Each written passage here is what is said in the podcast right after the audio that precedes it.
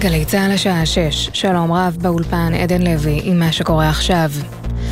שבעה לוחמים נפצעו קל כתוצאה מירי פצצות מרגמה במרחב מנרה לפני שעה קלה. זוהו כחמישה עשר שיגורים משטח לבנון לעבר ישראל, וכוחות צה"ל תוקפים כעת בארטילריה את מקורות הירי בשטח לבנון. מדווח כתבנו בצפון, אדר גיציס. דובר צה"ל עדכן שכחמישה עשר שיגורים זוהו משטח לבנון לישראל. אזעקות נשמעו לאורך כל הצפון, מהגליל העליון ועד הגליל המערבי. במטח נוסף הופעלה התראה גם באזור הקריות. לוחמי ההגנה האווירית יירטו בהצלחה ארבעה שיגורים, והשאר נפלו בשטחים פתוחים. דווח על נפילות בשלומי. מאות אלפי תושבים מהצפון נכנסו למרחבים המוגנים, למרבה המזל איש לא נפגע. אזעקות נשמעו היום גם בקריית שמונה ובגליל העליון. במוצבי צה"ל נמשכו חילופי האש משעות הבוקר. שבעה לוחמים נפצעו קל מוקדם יותר היום מירי פצצות מרגמה במרחב מנרה. ראש הממשלה נתניהו התייחס בריאיון לרשת NBC לסוגיית בית החולים שיפא ואמר, הצענו להעביר דלק להפעלת בית החולים, הם סירבו. כשנשאל נתניהו אם יקבל כוח בינלאומי שישלוט בעזה, ענה, אין כוח פלסטיני שיכול לשמור על עזה מפורזת. The only force right now that can guarantee that Hamas does not reappear in, is the Israeli military. As far as the civilian management of Gaza, Gaza has to be demilitarized and Gaza has to be de-radicalized. We haven't seen any uh, Palestinian force that is able to do it. הכוח היחידי שיכול להבטיח שחמאס לא יופיע שוב הוא הצבא הישראלי. באשר לשליטה אזרחית, עזה צריכה להיות פחות קיצונית ומפורזת. עד כה לא ראינו אף כוח פלסטיני שיכול לעשות זאת. בנוגע למשא ומתן לשחרור החטופים, אמר, לא היינו קרובים עד לתחילת הפעולה הקרקעית. שמענו שיש הסדרים כאלה ואחרים ולמדנו שאין כלום. אם אדבר פחות, הסיכוי יהיה גבוה יותר. לחץ צבאי הוא הדבר היחיד שעלול לייצר הסדר. בריאיון לרשת CNN נשאל ראש הממשלה מדוע עדיין לא קיבל אחריות, וכך ענה. After Pearl Harbor that question? Did people ask George Bush after the surprise attack of November 11th? Look, it's a question that needs to be asked. And I've said we're going to answer all these questions, including me. I'm going to be asked tough questions. האם שאלו את רוזוולט אחרי פרל הרבור אם הוא מקבל אחריות? האם שאלו את ג'ורג' בוש לגבי אחריות אחרי אסון התאומים? זו שאלה שצריכה להישאל, ואמרתי שנענה על כולן. גם אני אענה על שאלות קשות. הרעיונות המלאים של ראש הממשלה נתניהו ב-CNN ו-NBC ישודרו הערב. ידיעה שהעבירה כתבת חדשות החוץ, איה אילון. בחמאס טוענים השיחות לשחרור בני ערובה הוקפאו באופן חד צדדי. גורם בצמרת התנועה הבקיא במגעים מסר לסוכנות הידיעות רויטרס כי הסיבה היא הלחץ שמפעיל הצבא הישראלי על בית החולים שיפא בעזה. מדבריו הביא כתבנו לענייני ערבים ג'קי חוגי. ארבעה לוחמים בגדוד 697, חטיבה 551, נפלו ברצועת עזה בסוף השבוע בפעולה באזור בית חנון מפיצוץ מטען בפיר מנהרה ממולכד. אחד מהם הוא רב סמל ראשון במילואים סרגי שמרקין, בן 32, מקריית שמונה. מאיה, בת זוגו של סרגי, ספדה לו ביומן הערב עם ירון וילנסקי. כמו בסרטים שאומרים התאהבות ממבט ראשון, אז uh, בצורה הכי קיצית שיש, ככה זה היה. זה היה ברור שאנחנו מתחתנים בשנייה שהוא יוצא משם. אתה יודע, זוג שיודע כבר מראש ש... שזה בעלי. הוא, הוא בעלי, מבחינתי זה, זה הנפש שלי, זה הנפש התאומה שלי. אני איבדתי את אבא של הילדים שלי. בקרוב תחל בהר הרצל בירושלים הלווייתו של רב סמל מתקדם במילואים יוסף יוסי הרשקוביץ, שהיה מנהל בית הספר אורט פלך בנים בירושלים ונפל גם הוא בפעולה. לפני שעה קלה תמה הלווייתו של רב סרן במילואים משה ידידיה לייטר, בן 39 מעין צורים, לוחם שלדג, ורב סמל ראשון במילואים מתן מאיר, בן 38 מאודם, יובא למנוחות מחר בצהריים. יהי זכרם ברוך. מזג האוויר למחר, הטמפרטורות עדיין תהיינה גבוהות מהרגיל העונה. אלה החדשות.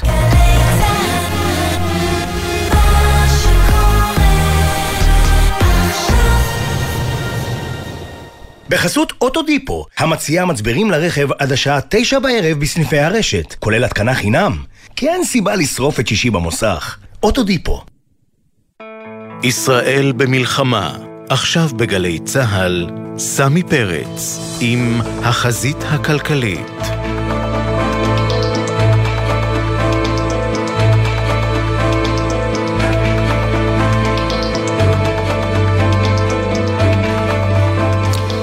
ערב טוב, עכשיו שש וארבע דקות, אתם בחזית הכלכלית. אה, טיל נ"ט ששוגר בצהריים מלבנון פגע ופצע שישה ישראלים עובדי חברת החשמל וגם הפיל את הבורסה בתל אביב שנסגרה בירידות של אחוז ושבע עשיריות אחרי שהיום דווקא התחיל בעליות שערים. האירוע החמור הזה מזכיר לנו ולמשקיעים מהו הפוטנציאל של ההסלמה אה, בגבול הצפון.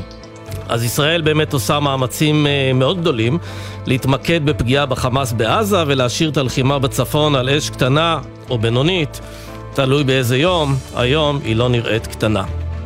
לא ברור כמה זמן ניתן להמשיך במצב הלחימה המוגבל יחסית בצפון, אך ברור שהמחירים של זירה צפונית יהיו כבדים אצלנו וכמובן גם בלבנון. מה שעוד יותר ברור הוא שתושבי הצפון המפונים לא יחזרו לשם כל זמן שהמצב הנוכחי נמשך וזה אחד מסימני השאלה הגדולים של המלחמה הזו, כי בדרום התנאי להחזרת המפונים הוא השמדת חמאס ושליטה ביטחונית של צה"ל ברצועה. בצפון זו שאלה פתוחה, כי חיזבאללה עדיין שם עם כל מערך הטילים שלו.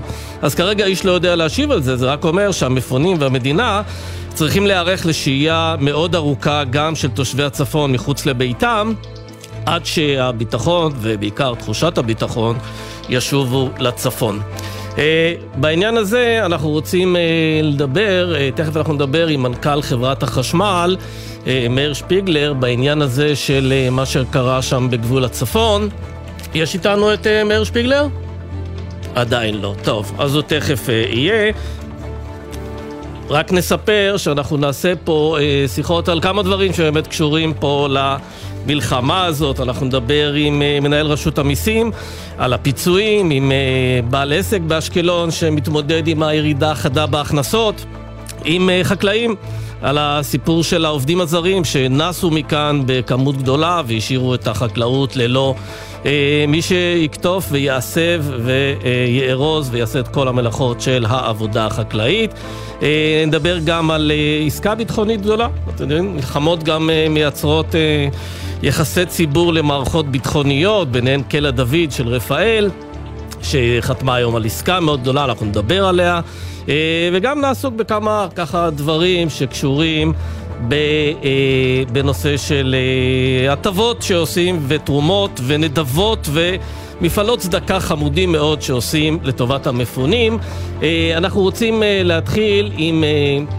נתחיל עם מנהל רשות המיסים? לא. אנחנו נתחיל עם בעל עסק באשקלון, צורי ג'רבי. ערב טוב. ערב טוב.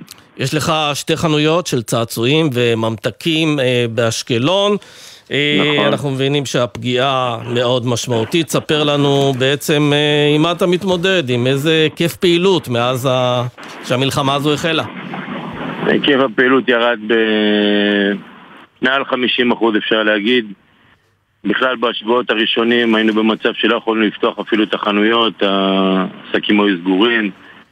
אה, אחר כך פשוט התחלנו באמת ב... לנסות לפתוח, אבל באמת שאין אנשים, הרחובות ריקים פה בעיר, זה מצב שלא מכירים אותו כאן. למרות שאנחנו יודעים להגיד שתושבי אשקלון אולי הם התושבים הכי מתורגלים באירועים אה, ביטחוניים, אה, למדו לחיות אולי אפילו עם מצבים כאלה, אבל מה, האירוע פשוט כרגע הוא אה, הרבה יותר קיצוני ולכן אנשים נסגרים בבתים. זה לא משהו שאנחנו רגילים אליו. זה לא משהו שאנחנו רגילים. לא היה סבב אחד שלא פתחנו את העסקים פה בעיר. תמיד פתחנו, תמיד עבדנו. גם כשהיה לנו פגיעה ישירה אצלי בתוך העסק, אה, באותו יום כבר פתחנו אותו שוב פעם. אה, הפעם זה הרבה יותר אגרסיבי, זה הרבה יותר מפחיד, זה הרבה יותר מלחיץ. המתח באוויר, החששות, הדאגה, היא פשוט גורמת לאנשים באמת לא לצאת החוצה. כן, יש הרבה, הרבה תושבי אשקלון שגם עזבו את העיר, אה, פינו את עצמם למקומות אחרים? יודע, לפי מה שאני יודע, יש הרבה תושבים שעזבו לאזור המרכז. אה, וזה מורגש, זה מורגש. יש לי חנות אחת שהיא ממש באזור מגורים, שכונה, והאנשים לא שמה. לקוחות קבועים לא נמצאים, גם עוברי אורח. אין, אין, העיר ממש ברמת ה... עיר רפאים אפשר להגיד. הבנתי. עכשיו, לממשלה יש אה, כל מיני מתווים לפיצויים. אתה כבר יודע מול מי להתנהל, איך להגיש את הבקשה ומה לדרוש? אנחנו... אנחנו לגבי הנושא של הפיצויים דווקא נתקלנו באוזן די אה, קשבת אפשר להגיד. הרואה חשבון שלנו מטפל בזה מול הרשויות והם עושים דברים טובים וכרגע הדברים עוברים כמו שצריך. יפה. טוב, אז אה, זה משמח, כי אנחנו בדיוק עכשיו עוברים לדבר על העניין הזה עם מנהל רשות המיסים. אה, נגיד רק תודה לך, צורי ג'רבי, ונקווה שהעסק יתאושש במהירות. תודה לכם, ושנדע ימים טובים, ושבעזרת השם כל החיילים יחזרו בשלום, זה הכי חשוב. בהחלט. אה, איתנו שי אהרונוביץ', מנהל רשות המיסים, שלום. ערב טוב. אה, אז מליאת הכנסת אישרה את מתווה הפיצוי לעסקים בעקבות המלחמה ביום חמישי האחרון. אה, ועוד לפני שנתעסק ככה בפרטים של המתווה, השאלה הכי חשובה, אתה יודע, זה הזמן שבו אה, בית העסק מקבל את הפיצוי. אתה יודע להגיד תוך כמה זמן עסקים יקבלו את הפיצוי שכבר הוחלט עליו? אה, כעיקרון, קודם כל בשביל לקבל את הפיצוי, העסקים יצטרכו להגיש את הדוח שלהם, את הדוח, אה, אם הם אה, חד-חודשי, כמובן את הדוח של אוקטובר, ואם הם דו-חודשי, את הדוח של ספטמבר-אוקטובר. אנחנו עושים הכל כדי שהמחשוב שלנו יהיה מוכן לקבל את התביעות החל מתחילת שבוע הבא, בעזרת השם. אם נצליח שזה יהיה קודם, אז מה טוב, אבל אנחנו... סבורים שזה יהיה בתחילת שבוע הבא, אנחנו רוצים לוודא גם שהמערכות עובדות מה שנקרא בצורה תקינה ולא יהיו תקלות ואנחנו בוחנים אותן, לכן אה, כנראה שבשבוע מהיום... מה זאת אומרת זה... המערכות עובדות? יש מערכות כל ימות השנה, אנחנו יודעים שלרשות המיסים כן, לא, יש מערכות. יש מערכות, אבל צריך לזכור שאנחנו פה, את המתווה פיצוי הזה, אה, נכון שהוא דומה למתווי פיצוי שהיו בתקופת הקורונה בדרך כזאת או אחרת, אבל היה צריך לשנות אותם, להכניס עוד, אה, עוד אה, פרמטרים, ואנחנו גם, המטרה שלנו שה... שהבדיקות יהיו גם אוטומטיות, זאת אומרת שיהיו בדיקות אוטומטיות, כמה שפחות פעולות ידניות, גם של הנישום או המייצג שלו וגם של העובדים שלנו. אוקיי, okay, וברגע ש... שאני מגיש בקשה, בית עסק מגיש בקשה, תוך כמה זמן אתה יכול להבטיח לו שהוא יקבל את הפיצוי? אנחנו מקווים תוך אה, יומיים שלושה. אם הכל עובר כמו שצריך ושזה יהיה בבנק שלו. אה, זה ככה אנחנו בונים את המערכות ומכינים את כל המערכות אה, תשלומים גם ל... לה, לה, לאתגר הזה. כן, אוקיי. אז העניין הוא שהפיצוי הוא גם משתנה מעת לעת, הקריטריונים ככה בקצב מסחרר משתנים. אנחנו יודעים שהוא מתייחס ליישובים שנמצאים בקו של עד 20 קילומטר מרצועת עזה, אבל בינתיים שר האוצר הודיע שהוא מרחיב את זה לקו של 40 לא, קילומטר. השאלה היא, זה כבר נכלל בפיצוי? אוקיי, אז תעשה פה סדר. רגע, אני רוצה לעשות סדר, רגע, רגע, אני רוצה לעשות סדר. כעיקרון, יש לנו את היישובים שהם נחשבים יישובי ספר, אם אנחנו הולכים אה, באזור, אה, באזור עוטף עזה, אז אנחנו מדברים על עד שבעה קילומטר מהגדר. בצפון הארץ גם מספר קילומטרים מהגדר, כולל נהריה וכולי. היישובים האלה זכאים בכל ימות השנה לפיצויי נזק עקיף, במידה ויש שם הפסקת פעילות כתוצאה מפעילות מלחמתית. זאת אומרת, הם בכלל לא צריכים את המתווה שעבר ביום חמישי. תכף אני אסביר מה המתווה שעבר ביום חמישי, אבל קודם כל צריך לזכור שיישוב שנחשב יישוב ספר, למשל יישובי עוטף עזה, הם למעשה לא זקוקים, ל... הם, הם, לא, הם, הם לא קשורים למתווה שעבר ביום חמישי. הם יקבלו את ה... הם, מקבלים, הם כבר מקבלים מקדמות, אה, שילמנו כבר אה, סכום אה, יפה מאוד של מקדמות, כבר התחלנו לשלם אותם לפני כשבוע וחצי, של חצי מיליארד שקל שילמנו עד עכשיו, 70% מהתביעות שהם הגישו, בעצם 70% מהתביעה התביעה משולמת כמקדמה. אה, אנחנו פותחים את זה גם כן, אה, היום בלילה אנחנו פותחים את זה גם ליישובים של, אה, בצפון, כן, אותם יישובים בצפון שהם גם יישובים שמוכרזים כיישובי, יישובים שזכאים לנזק עקיף.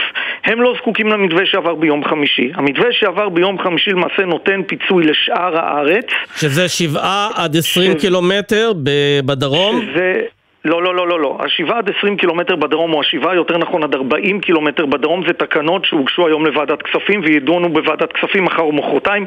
הם ייתנו פיצויים גבוהים יותר, לא פיצ... פיצויים בעצם שמה שנקרא נזק עקיף מוגבר, אה, לא כמו שניתן בשאר הארץ, ואלה התקנות שהובאו לוועדת כספים, מחר ומחרתיים יהיה בהם דיון. שפה זה כולל את אשדוד ואת באר שבע? נכון, שהן כוללות את אשדוד ובאר שבע וגם עוד מספר יישובים ברמת הגולן ובגבול הצפון, שלא נחשבים כיישובי ספר שהם זכאים למתווה שדיברנו עליו לפני רגע. כן, אגב, היה פה בשבוע שעבר ראש עיריית ראשון לציון, רז קינסליך, והוא אמר, ראשון לציון חטפה רקטות כמעט כמו אשדוד, כמו באר שבע. למה אשדוד ובאר שבע נכללות פה במתווה וראשון לציון לא?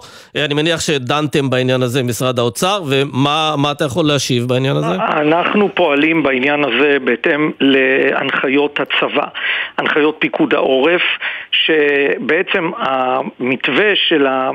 עד 40 קילומטר ופלוס היישובים בגבול הצפון הנוספים אה, בהתאם ל...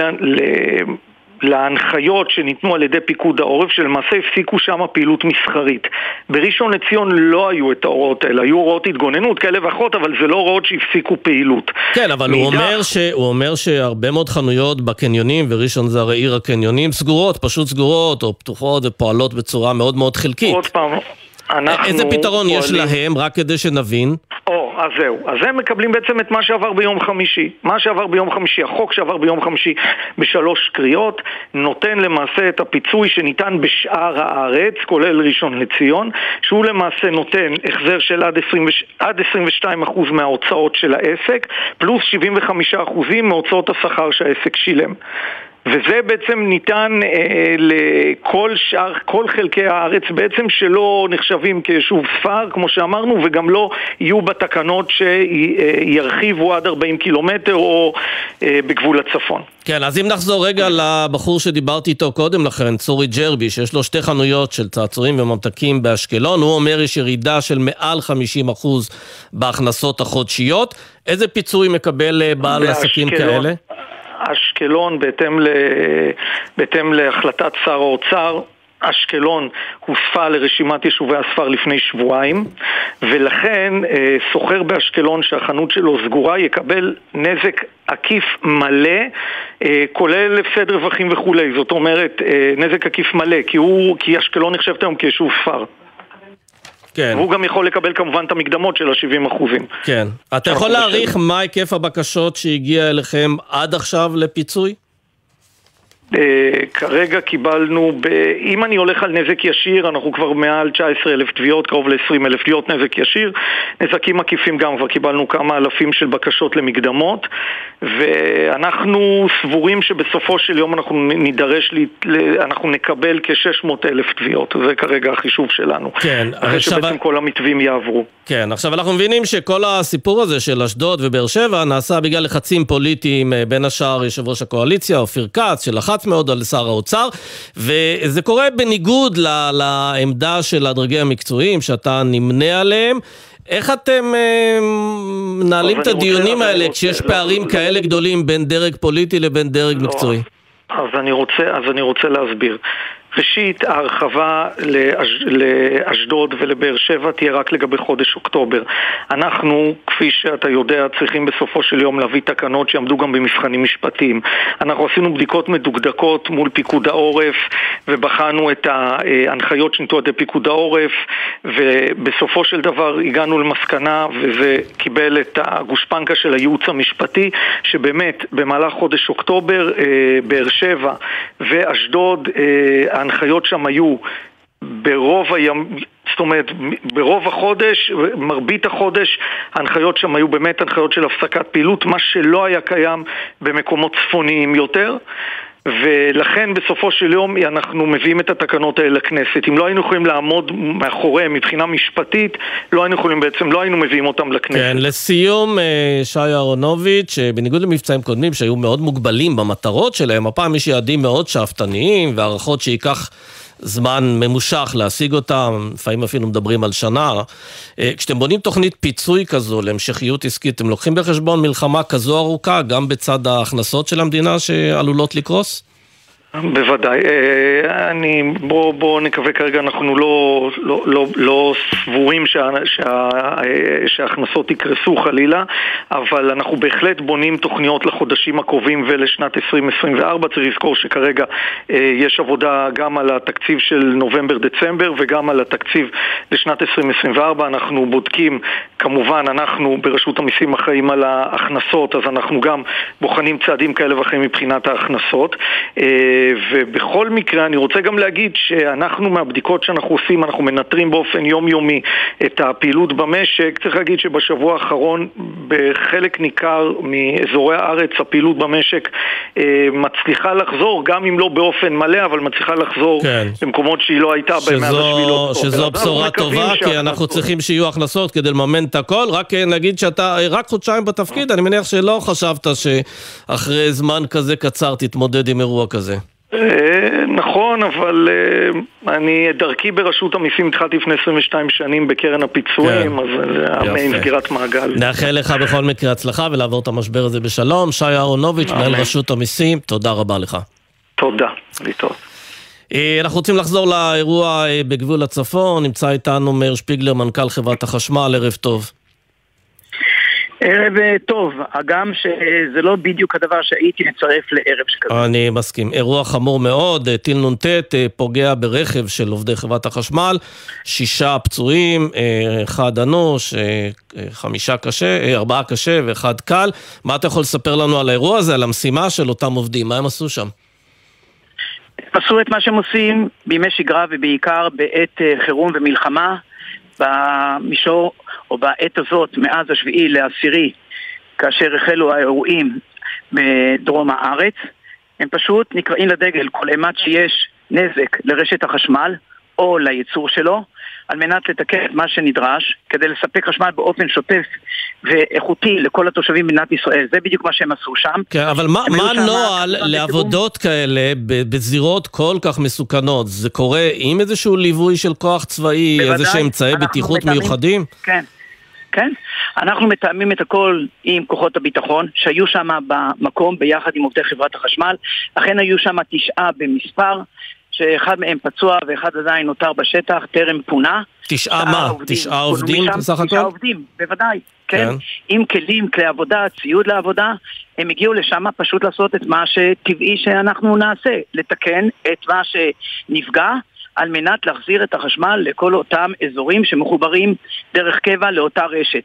מה שאנחנו עושים בדרך השגרה, מתאמים את הכל עם כוחות הביטחון, נכנסים לשטח רק ביחד עם כוחות הביטחון, מה שלצערי הרב הראה לקראת הצהריים, מניח שלא נלקח בחשבון או לא תוכנן על ידי אותם גורמים.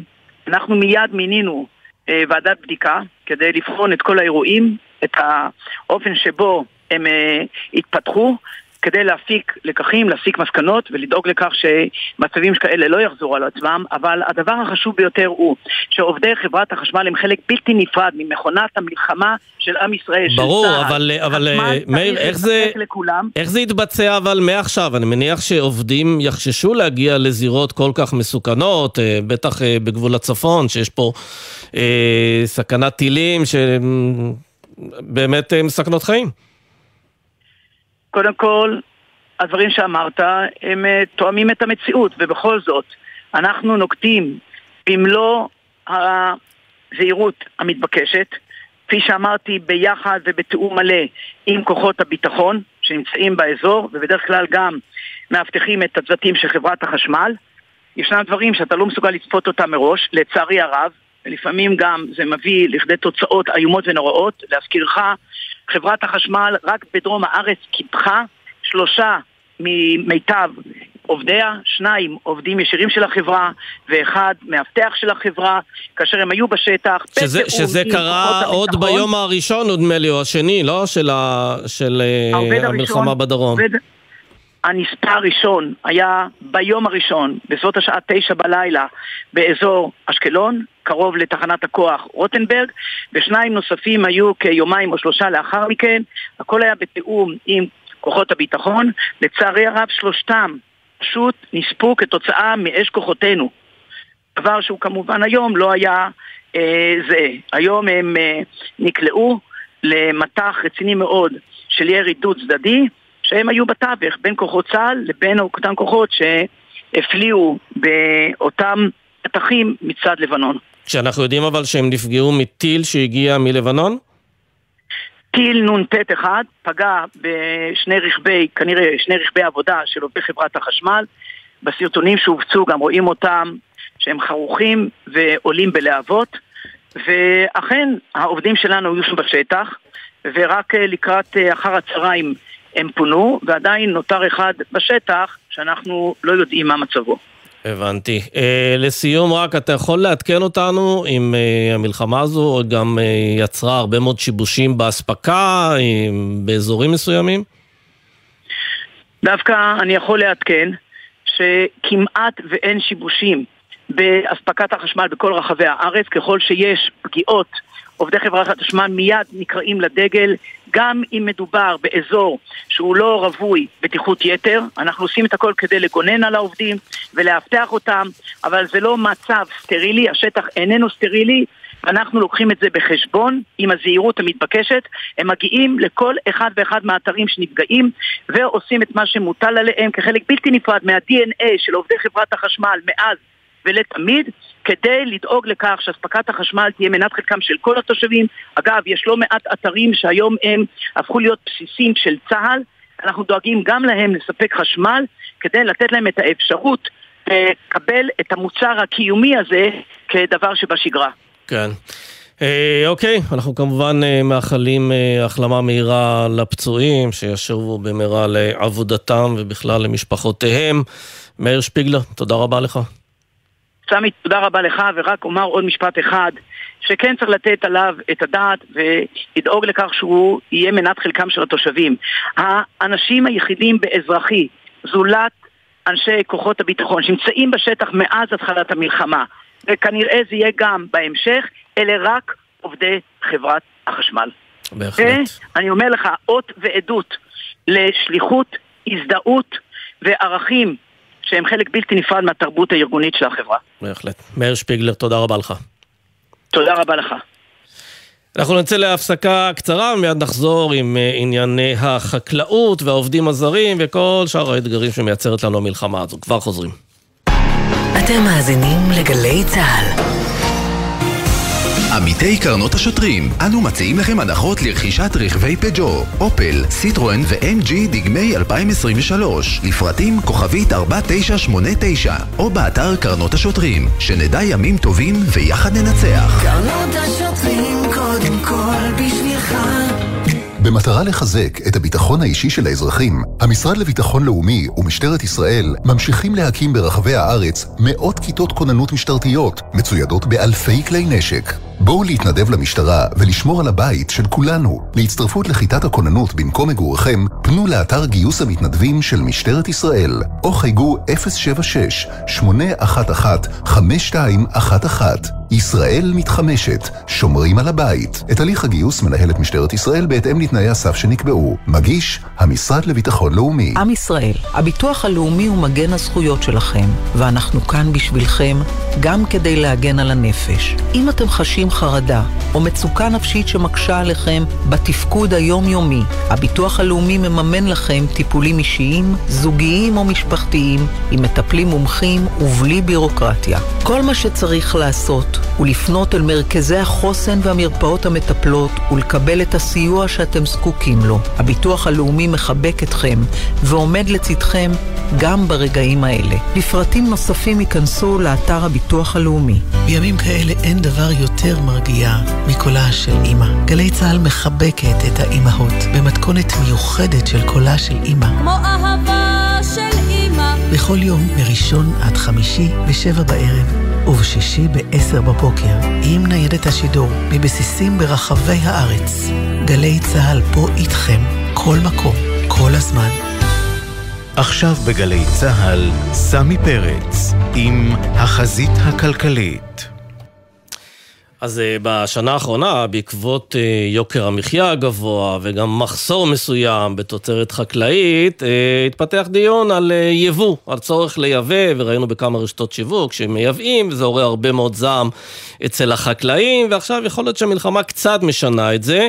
אנחנו נדבר עם עמית יפרח, יושב ראש התאחדות חקלאי ישראל ומזכ"ל תנועת המושבים, ערב טוב. ערב טוב, סמי. אז אתה מרגיש שיש איזה שינוי בסנטימנט הציבורי? פתאום אה, יוקר המחיה כבר לא מעניין וכולם רוצים רק לפרגן לחקלאים? תראה, קודם כל הציבור תמיד היה עם החקלאים. אה, הבעיה שלנו לא הייתה הציבור הישראלי, תמיד העדיף לצרוך תוצרת ישראלית, תמיד פרגן לחקלאים הישראלים, והבין את החשיבות של החקלאות הישראלית לכלכלת ישראל ולחוסן שלנו. הבעיה בשנים האחרונות הייתה עם הפקידות באוצר, עם שר החקלאות הקודם, שפחות הבינו ויותר דחפו לשוק חופשי, לפגיעה ושחיקה בייצור המקומי, ואני מקווה מאוד, כמו שאמרת בפתיח, אה, שהמלחמה הזאת אה, תעשה את השינוי האמיתי שצריך כבר הרבה מאוד זמן. ביחס לחקלאות הישראלית ולייצור המקומי. כן, העניין הוא שיש מדי פעם מחסור אה, בתוצרת חקלאית כזו או אחרת, ובמקרה הזה אין פתרון זולת אה, יבוא. בעניין הזה אתם אה, מקבלים את זה ש, שבסדר, אפשר לייבא? אין, אין שאלה בכלל, אנחנו תמיד אומרים שהיבוא הוא צריך להיות כלי שמווסת את השוק, אבל לא מרסק את השוק. זאת אומרת, כשיש מחסור, אף אחד מהחקלאים לא רוצה שהצרכן הישראלי לא יוכל לקנות עגבנייה או פלפל או כל דבר אחר. העניין הוא שעכשיו אבל... המחסור יכול לנבוע מסיבות שקשורות במלחמה, גם הפגיעה ביישובי העוטף, חוסר היכולת לעבוד שם בשדות ולקטוף ולטפל בתוצרת, וכמובן גם מחסור בעובדים, ראינו הרבה מאוד עובדים זרים, תכף נדבר על זה פה באייטם אחר, הרבה מאוד עובדים זרים שפשוט בורחים מכאן, אה, ואז בנסיבות האלה המחסור הוא קשור לנסיבות. בסדר, קודם כל כרגע, על פי מה שאנחנו מקבלים דיווח יומי מהחמ"ל של משרד החקלאות, אין מחסור, אנחנו מצליחים בעזרת עם ישראל הנפלא והמתנדבים הרבים שצובעים על השטחים שלנו אה, לספק את התוצרת שאזרחי ישראל אה, צריכים. כמובן שאם לא נצליח להתגבר על הבעיה של העובדים הזרים והחקלאים לא יצליחו לשתול ולעשות את הפעולות לקראת השלושה חודשים הבאים, אז יהיה מחסור. ואז אם יהיה מחסור, עוד פעם, אנחנו בוודאי לא דוחפים או רוצים שיהיה מחסור, אבל כל עוד אין מחסור, ובוודאי במלחמה, שהתוצרת החקלאית משוועת לידיים עובדות, וזה חלק מהחוסן והניצחון הישראלי לצרוך את החקלאות מהעוטף. אז בוודאי שצריך למצות את כל המאמצים שאפשר בכדי לקטוף את כל התוצרת, ובמידה ויהיה מחסור, אין שום בעיה להביא. כמו שאמרתי, כל עוד זה מווסת את השוק וזה מתבצע כתוצאה ממחסור, אנחנו האחרונים שנתנגד. יפה. כל עוד אפשר לספק את התוצרת שלנו, תצרכו את שלנו. אוקיי, okay, אז תישאר איתנו, אני רוצה לצרף את uh, שייקה שקד, שהוא חקלאי שמגדל עגבניות שרי מנתיב העשרה. ערב טוב, שייקה.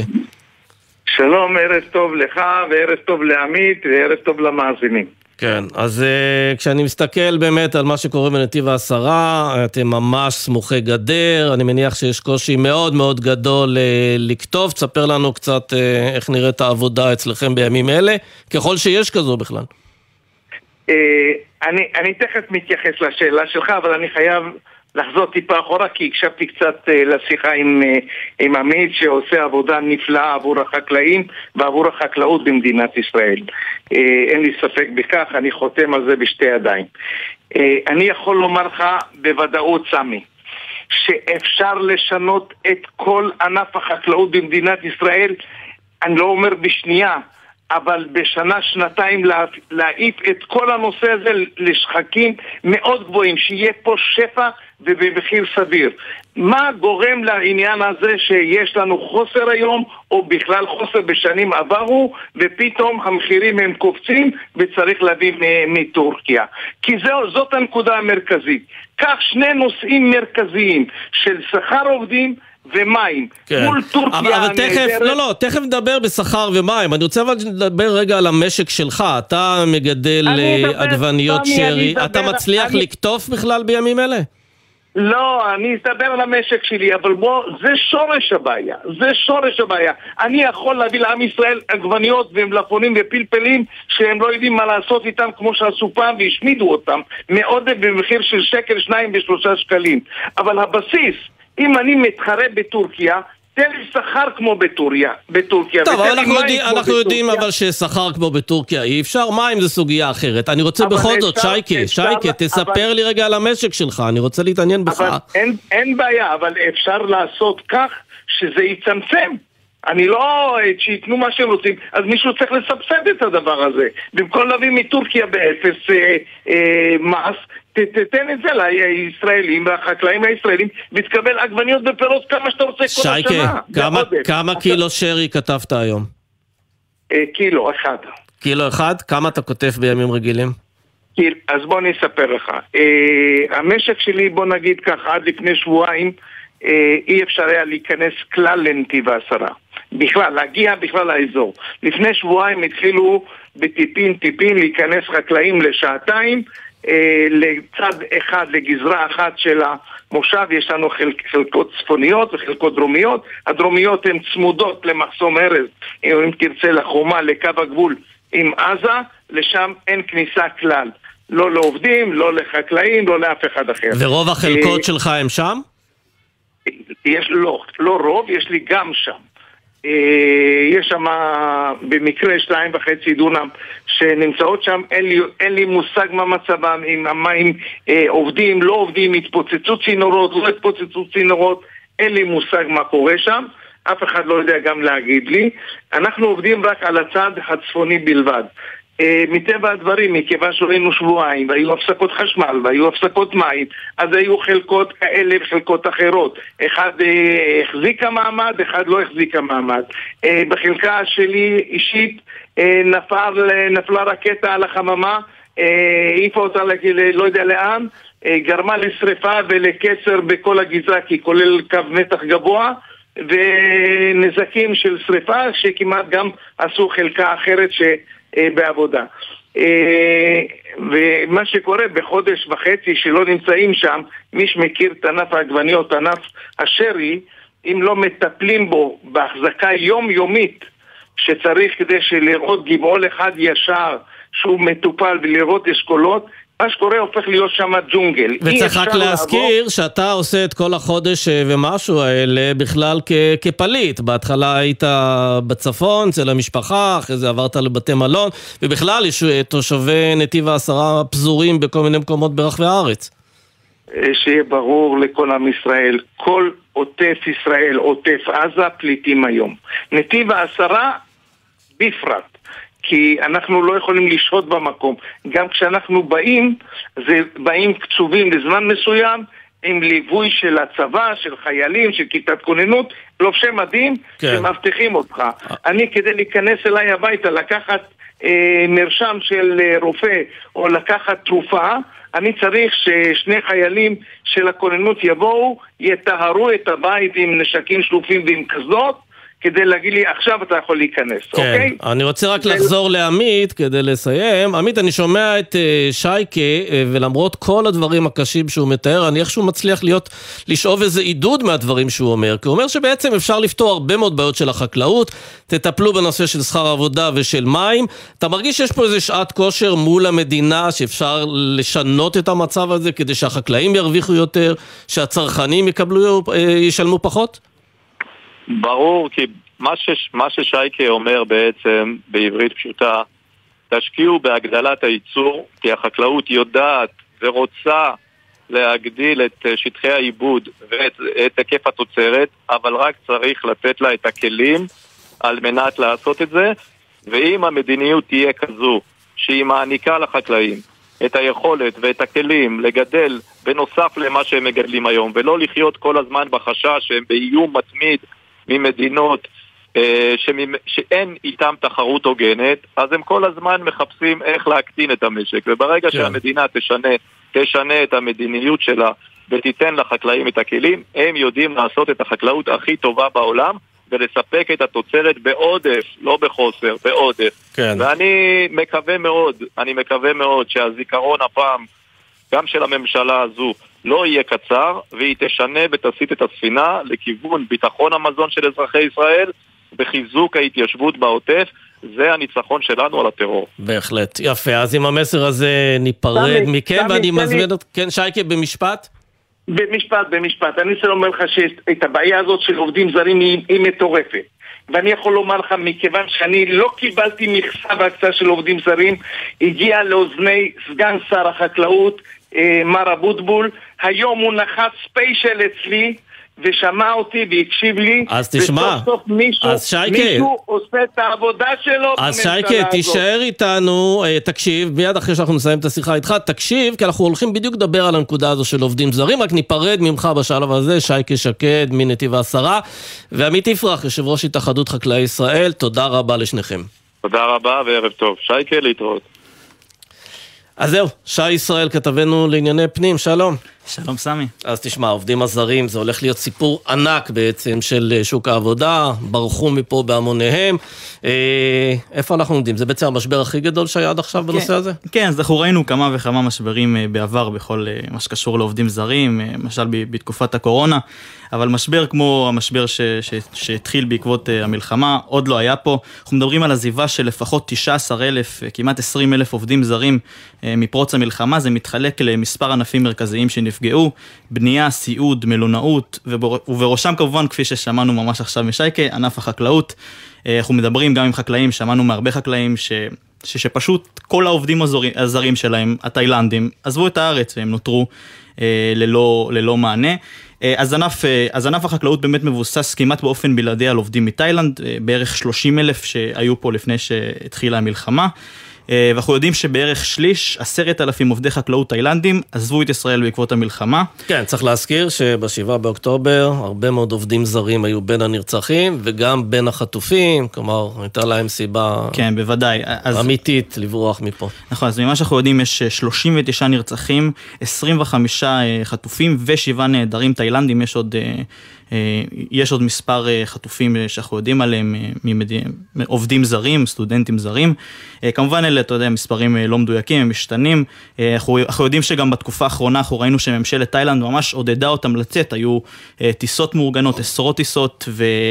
ואפילו ראש ממשלת תאילנד קרא להם לצאת, אז לפי, לפי מה שאנחנו מבינים כרגע ב, ב, בענף החקלאות, תמונת המצב זה שעשרת אלפים עובדים, לפני המלחמה אושרו בערך 9,000 עובד, עובדים אה, נוספים שהיו צריכים להגיע לארץ, אז כרגע אנחנו בחוסר של 20 אלף עובדים זרים רק בענף החקלאות. כן, ובענף הבנייה אה, צרות לא פחות אה, אה, קטנות, כי שם אה, גם מדובר בעובדים פלסטינים שנגרעו ממצבת כוח האדם וגם בעובדים זרים, מה קורה שם? כן, אז אנחנו יודעים על 4,000 עובדי בניין זרים אה, שעזבו, אבל זו באמת אה, טיפה בים לעומת כ-100 אלף פלסטינים מיהודה ושומרון, ש, שכרגע מרביתם, כמעט כולם לא נכנסים אה, כרגע ארצה. אה, בסופו של דבר זו החלטה של הממשלה, יש מספר שיקולים, בוודאי גם שיקול ביטחוני להחליט מה יהיה איתם, אה, אבל יש אה, כרגע מחסור רציני בענף הבנייה שמתבסס עליהם, אה, גם בענפי הסיעוד והמלונאות יש חוסרים משמעותיים, גם לפני המלחמה, עכשיו בכלל חסרים אלפי עובדים, כן, אז, עצום. אז איך בעצם מתכוונים בממשלה לתת מענה לכל הביקוש האדיר הזה לעובדים זרים? התחילו כבר לנקוט באיזשהם צעדים להביא אותם? אז, אז כן, השלב הראשון זה קודם כל לנסות לשמר את מי שפה. כמו, כמו שהזכרנו קודם את התאילנדים, הרבה מהם עברו חוויות אה, מאוד לא פשוטות. אה, וגם יש את הרציונל שזה הרבה יותר זול להשאיר עובד מאשר להביא עובד ממדינה אחרת. אז מה, נותנים להם אה, מענקים מיוחדים כן. וכו'? היה מענק של אה, 2,000 שקלים שמשרד החקלאות, משרד החקלאות הביא להם, יש צוותים של רשות האוכלוסין וההגירה למשל, שמגיעים לאיפה שהם נמצאים, חלקם גם פונו. ובהקשר של לנסות להתחיל למלא את ה... אה, למלא את החלל, אז ממש לפני מספר שעות עברה החלטת ממשלה להגדיל את המכסה של העובדים הזרים בענף הבניין בעשרת אלפים, שבוע שעבר אה, עברה החלטה נוספת לחמשת אלפים, כל זה דרך אה, חברות כוח אדם פרטיות, לשכות פרטיות, ולא דרך הסכמים בין מדינות, אבל הכמות המשמעותית באמת אמורה להיות דרך הסכמים בין מדינות, הסכמים בילטרליים. לאחרונה נחתם הסכם עם סרי לעובדים בענפי החקלאות והסיעוד. אה, ממה שאנחנו מבינים אה, אמור להיות גם הח- הסכם בקרוב שייחתם עם הודו, כן, שייתן יפה. אה, אז מענה לענף תשאר איתי אה, בעניין הזה, כי אנחנו רוצים להפנות עוד כמה שאלות בנושא למנכ"ל רשות האוכלוסין וההגירה, אייל סיסו, ערב טוב. ערב טוב, אז אנחנו- מאזינים. כן, אז זהו, אז אנחנו יודעים שיש מחסור גדול, אנחנו יודעים שיש נכונות לאשר הבאת עובדים זרים, אבל זה בכלל אפשרי כל עוד יש אה, מלחמה, מדינות אה, מסכימות אה, לשחרר אזרחים שלהם לטובת עבודה במדינה שכרגע נמצאת בחדשות בכל העולם כמדינה שיש בה מלחמה? זה בהחלט אתגר מאוד מאוד משמעותי. אה, אנחנו, אני יכול להגיד לך שכמדינת ישראל, ברגע שיש מלחמה, אזורי לחימה בחו"ל, אנחנו המדינה הראשונה שמפנה את האזרחים שלה, וכך גם מדינות אחרות, כפי שעשתה תאילנד כמובן, אנחנו לא יכולים לבוא בטענות. מובן למה הם עשו את זה. יחד עם זאת אנחנו מנסים א', לתמרץ אותם, ב', לשכנע אותם, להישאר. וכן, יש מספר מדינות שהביעו נכונות אה, להביא עובדים, שאנחנו איתם בקשר רציף. ואנחנו עושים לא מעט מהלכים כדי לנסות ביחד עם משרדים אחרים, זה משרד החקלאות, משרד החוץ כמובן, אה, משרד השיכון, עושים ביחד מהלכים כדי להביא כמה שיותר על עובדים. איזה מדינות מדובר?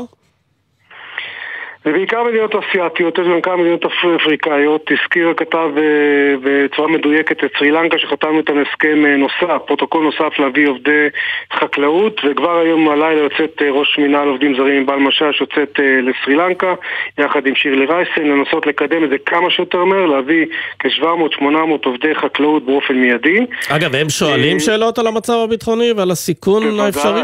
כן. בוודאי. הם אבל מגבילים את זה? הם אומרים אנחנו מוכנים שיבואו עובדים זרים אבל רק לאזורים מסוימים? לא לכל האזורים? לא, הם, הם לא הגבילו, אבל הם סומכים עלינו ועל השיקול דעת שאנחנו לא נאפשר לעובדים זרים אה, להיות במקומות אה, מסוכנים כפי שעשינו ביום הראשון והשני, שהבנו שבאמת יש, אה, אחרי האירוע, האסון הגדול שקרה פה הזכיר הכתב ובצדק, אנחנו, הצוותים שלנו יצאו לשטח, דאגו להעביר עובדים לחקלאים במרכז הארץ באופן זמני, עובדים סוציאליים שלנו פגשו אה, עובדי סיעוד אה, זרים, או סליחה, עובדי חקלאות זרים, גם עובדי סיעוד, היינו בבתי מלון, דיברנו עם ממשלות, דיברנו עם סגן, אה, ארבל, משה ארבל, אה, שר הפנים דיבר עם סגן ראש הממשלה אה, התאילנדי, שר החוץ.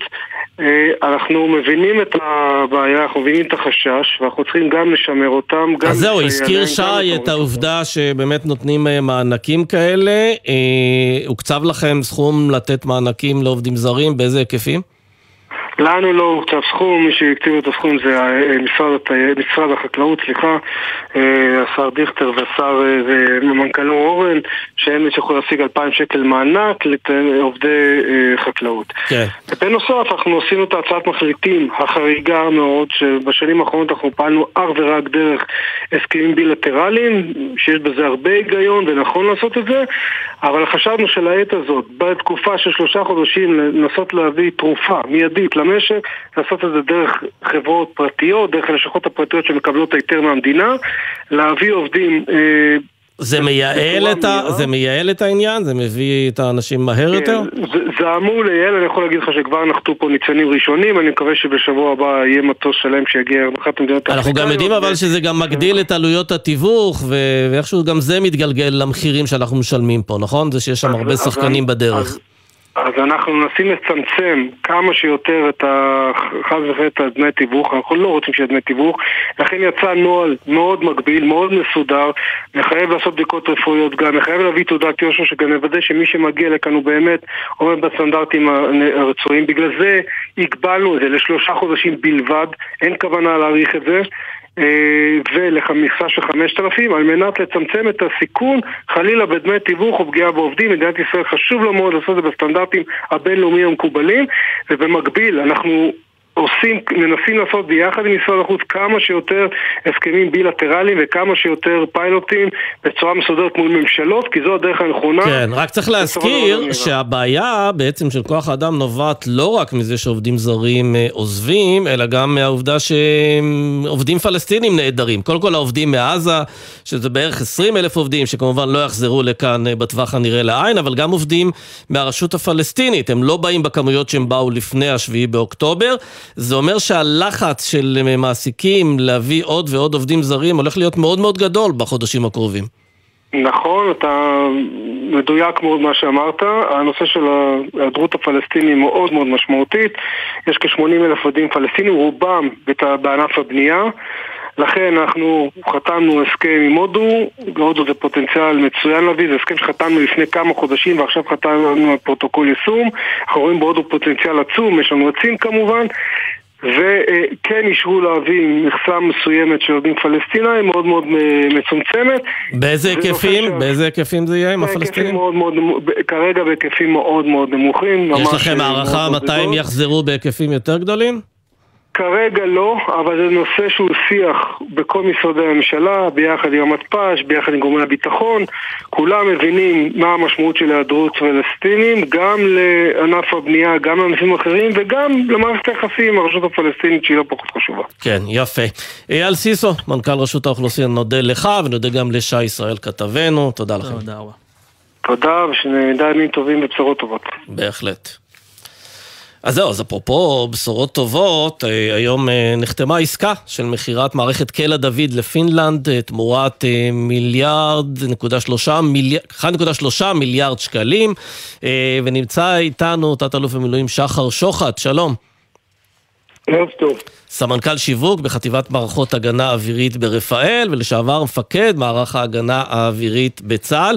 זו עסקת ייצור ראשונה של מערכת קלע דוד? של מערכת קלע דוד, זאת עסקת ייצור ראשונה אחרי שנים של עבודה. עסקת ייצוא למדינה אירופית שחברה בנאט"ו, חשובה מאוד לביטחון הלאומי של מדינת ישראל. כן, רק בוא נגיד מה עושה המערכת הזו, מול איזה איומים אוויריים היא יודעת לטפל? קלע דוד היא מערכת שנמצאת בשכבת הביניים בין כיפת ברזל שמתחתיה למערכת החץ שמעליה. אבל האיכות שלה, מעבר לזה שהיא מערכת לטווחים בינוניים וארוכים, זה שבניגוד למערכות האחרות היא יודעת לטפל במגוון רחב מאוד של איומים ממטוסים, מסוקים, טילי שיוט, טילים, רקטות וכל מה שביניהם. היא עובדת היטב במלחמה הספציפית הזו? זאת למעשה הייתה טבילת האש הראשונה והמאוד מוצלחת לצערנו ולשמחתנו בלחימה הזאת, עשרות יירוטים מוצלחים ב... באחוזי פגיעה מרשימים מאוד.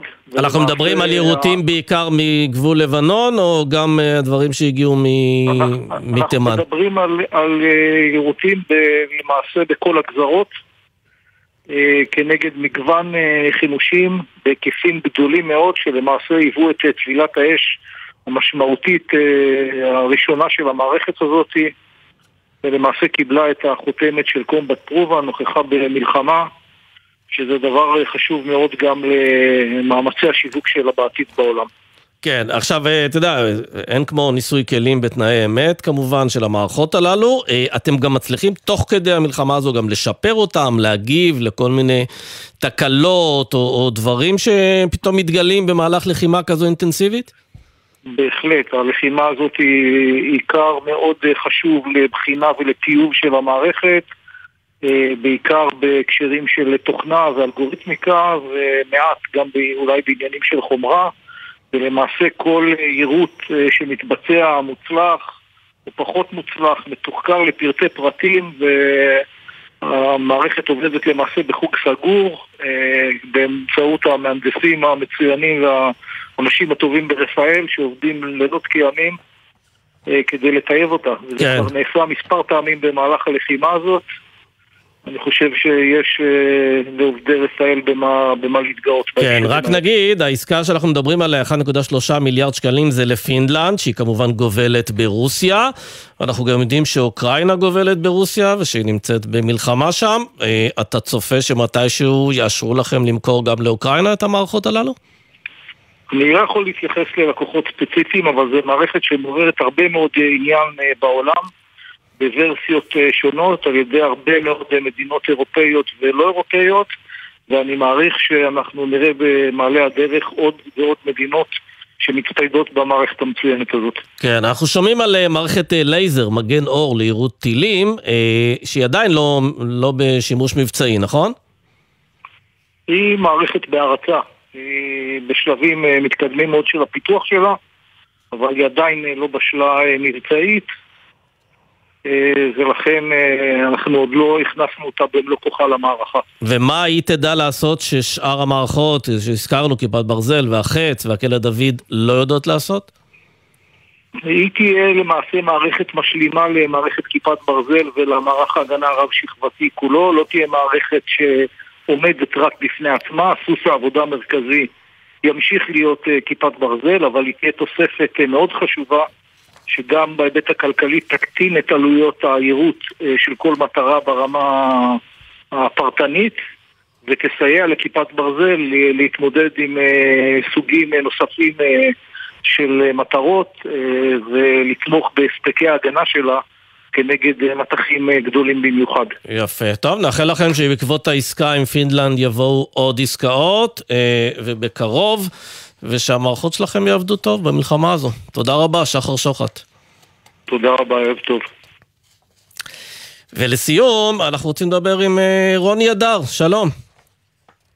שלום, ערב טוב. יזמת ומנהלת של מיזם האוצר האבוד, דיברנו עליו פה בעבר, אבל אתם עשיתם התאמה נכון. של המיזם הזה למצב המלחמה הקיים, פתחתם במבצע של איסוף מטבעות 10 אגורות לטובת תושבי העוטף, ספרי לנו על המבצע הזה, איך זה עובד. נכון מאוד.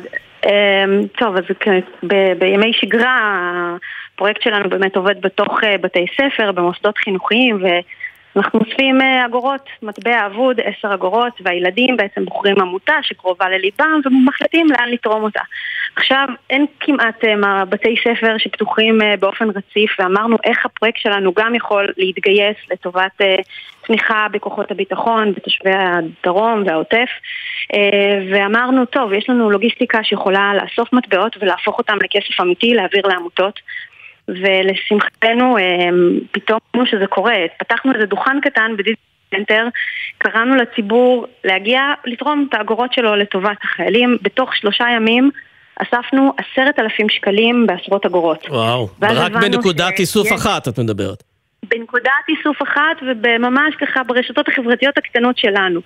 והבנו את הפוטנציאל, הצלחנו ליצור שיתוף פעולה מדהים שקורה ממש בימים אלה עם תנועת הצופים בעצם יש לנו עכשיו יומיים, יום שלישי הקרוב, אה, ממש שלישי הזה, ב-14 אה, לחודש, בין אה, השעה 5 ל-7 בערב.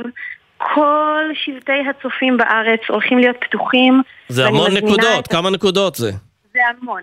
זה מעל 200 שבטים שיהיו פתוחים ביום שלישי הקרוב ושישי, ה-14 וה-17 לחודש, ומי שככה לא יודע איפה השבט הקרוב לביתו, איפה הוא יכול לבוא להיפטר מהכסף הקטן והמיותר ששוכב לו בצנצנות בבית, אה, אז מוזמן להיכנס לאתר שלנו, אבל תגידי, לאתר זה... של האוצר האבוד. כן, אבל זה נורא כבד כל העסק הזה, מי סוחב את זה, מי משנע, איך, איך זה עובד אה, לוגיסטית? אה, ברגע שהשבטים מתמלאים באוצר הכבד הזה באמת, אז יש לנו שיתוף פעולה אה, כבר אה, הרבה שנים, הם השותפים שלנו בפרויקט, חברת ברינקס של בלדרות כספים, זה האחריות התאגידית שלהם, הם בככה התנדבות מלאה מגיעים לכל בית ספר ולכל שבט במקרה הזה שאוסף את הכסף וידאגו לשנע אותו לחדר ספירת המזומנים שלהם וזה עובר דרך עמותת עיגול לטובה, שורת הרווח. אוקיי, עכשיו, עכשיו, ועכשיו השאלה הכי חשובה, למי ילך הכסף כן, הפעם? למי ילך הכסף? אמ, אז הפעם אה, החלטנו, כל הנהגה, הנהגת אה, צופים למעשה בחרה עמותה אה, שכרגע עוסקת בתמיכה במערך הלחימה. למשל, שבט, אני יכולה לספר לכם שהנהגת נגיד הצופים של תל אביב בחרה את כל האוצר שיאסף שם לתרום לזק"א. אמ, יפה מאוד. אני חושבת שבאמת, בהחלט מגיע להם. באמת אחרי עבודת הקודש שהם עושים, בהחלט מגיע להם. יש הרבה עמותות שהולכות לזכות אה, כרגע באוצר הזה, ואני מזמינה את כל הציבור להגיע, להיכנס לאתר שלנו, למצוא את שבט הצופים הקרוב. ומותר גם לשים מטבעות של שקל או עשרה שקלים, או רק עשר אגורות אתם מקבלים? גם שקל, גם חמישה שקלים ועשרה שקלים יבואו בברכה. יפה.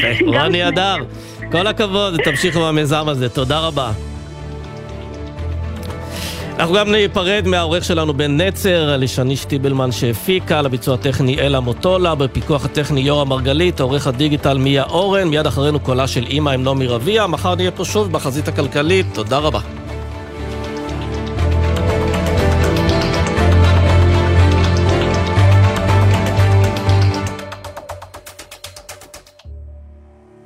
בחסות אוטודיפו, המציעה מצברים לרכב עד השעה תשע בערב בסניפי הרשת, כולל התקנה חינם. כי כדי להחליף מצבר, לא צריך להחליף לשעות עבודה יותר נוחות. אוטודיפו. אתם מאזינים לגלי צה"ל. הבית או הרכוש שלכם ניזוקו במלחמה? קרן הפיצויים ברשות המיסים תפצה אתכם על הנזק שנגרם לרכוש. אתם צריכים להיכנס לאתר שלנו ולדווח, או להתקשר למוקד שלנו, כוכבית 4954. שימו לב, אם אתם בעלי עסק ביישוב ספר בדרום או בצפון, וההכנסות שלכם נפגעו בגלל המלחמה, אתם זכאים לפיצויים מהקרן. תוכלו לקבל כבר עכשיו מקדמה על חשבון הפיצויים עד חצי מיליון שקלים. עוד מידע באתר רשות המיסים. בתקווה לימים טובים יותר, משרד האוצר ורשות המיסים. יחד ננצח. אוניברסיטת בר אילן הקימה למען הקהל הרחב קו חם לתמיכה רגשית. פסיכולוגים ועובדים סוציאליים כאן בשבילכם. חפשו בגוגל הקו החם בר אילן. נהגים ורוכבי אופנוע וקטנוע, שימו לב, בדיקות תקינות כלי הרכב לחורף מתבצעות בימים אלו במוסקים המורשים. אם טרם הספקתם להכין את הרכב או האופנוע שלכם לחורף, היכנסו לאתר איגוד המוסקים לאיתור מוסך מוסמך ובצעו בדיקת בטיחות למערכות הרכב או האופנוע שלכם. הבדיקה החינם, הרלב"ד ואיגוד המוסקים. מיד אחרי החדשות, נעמי רביע עם קולה של אימא.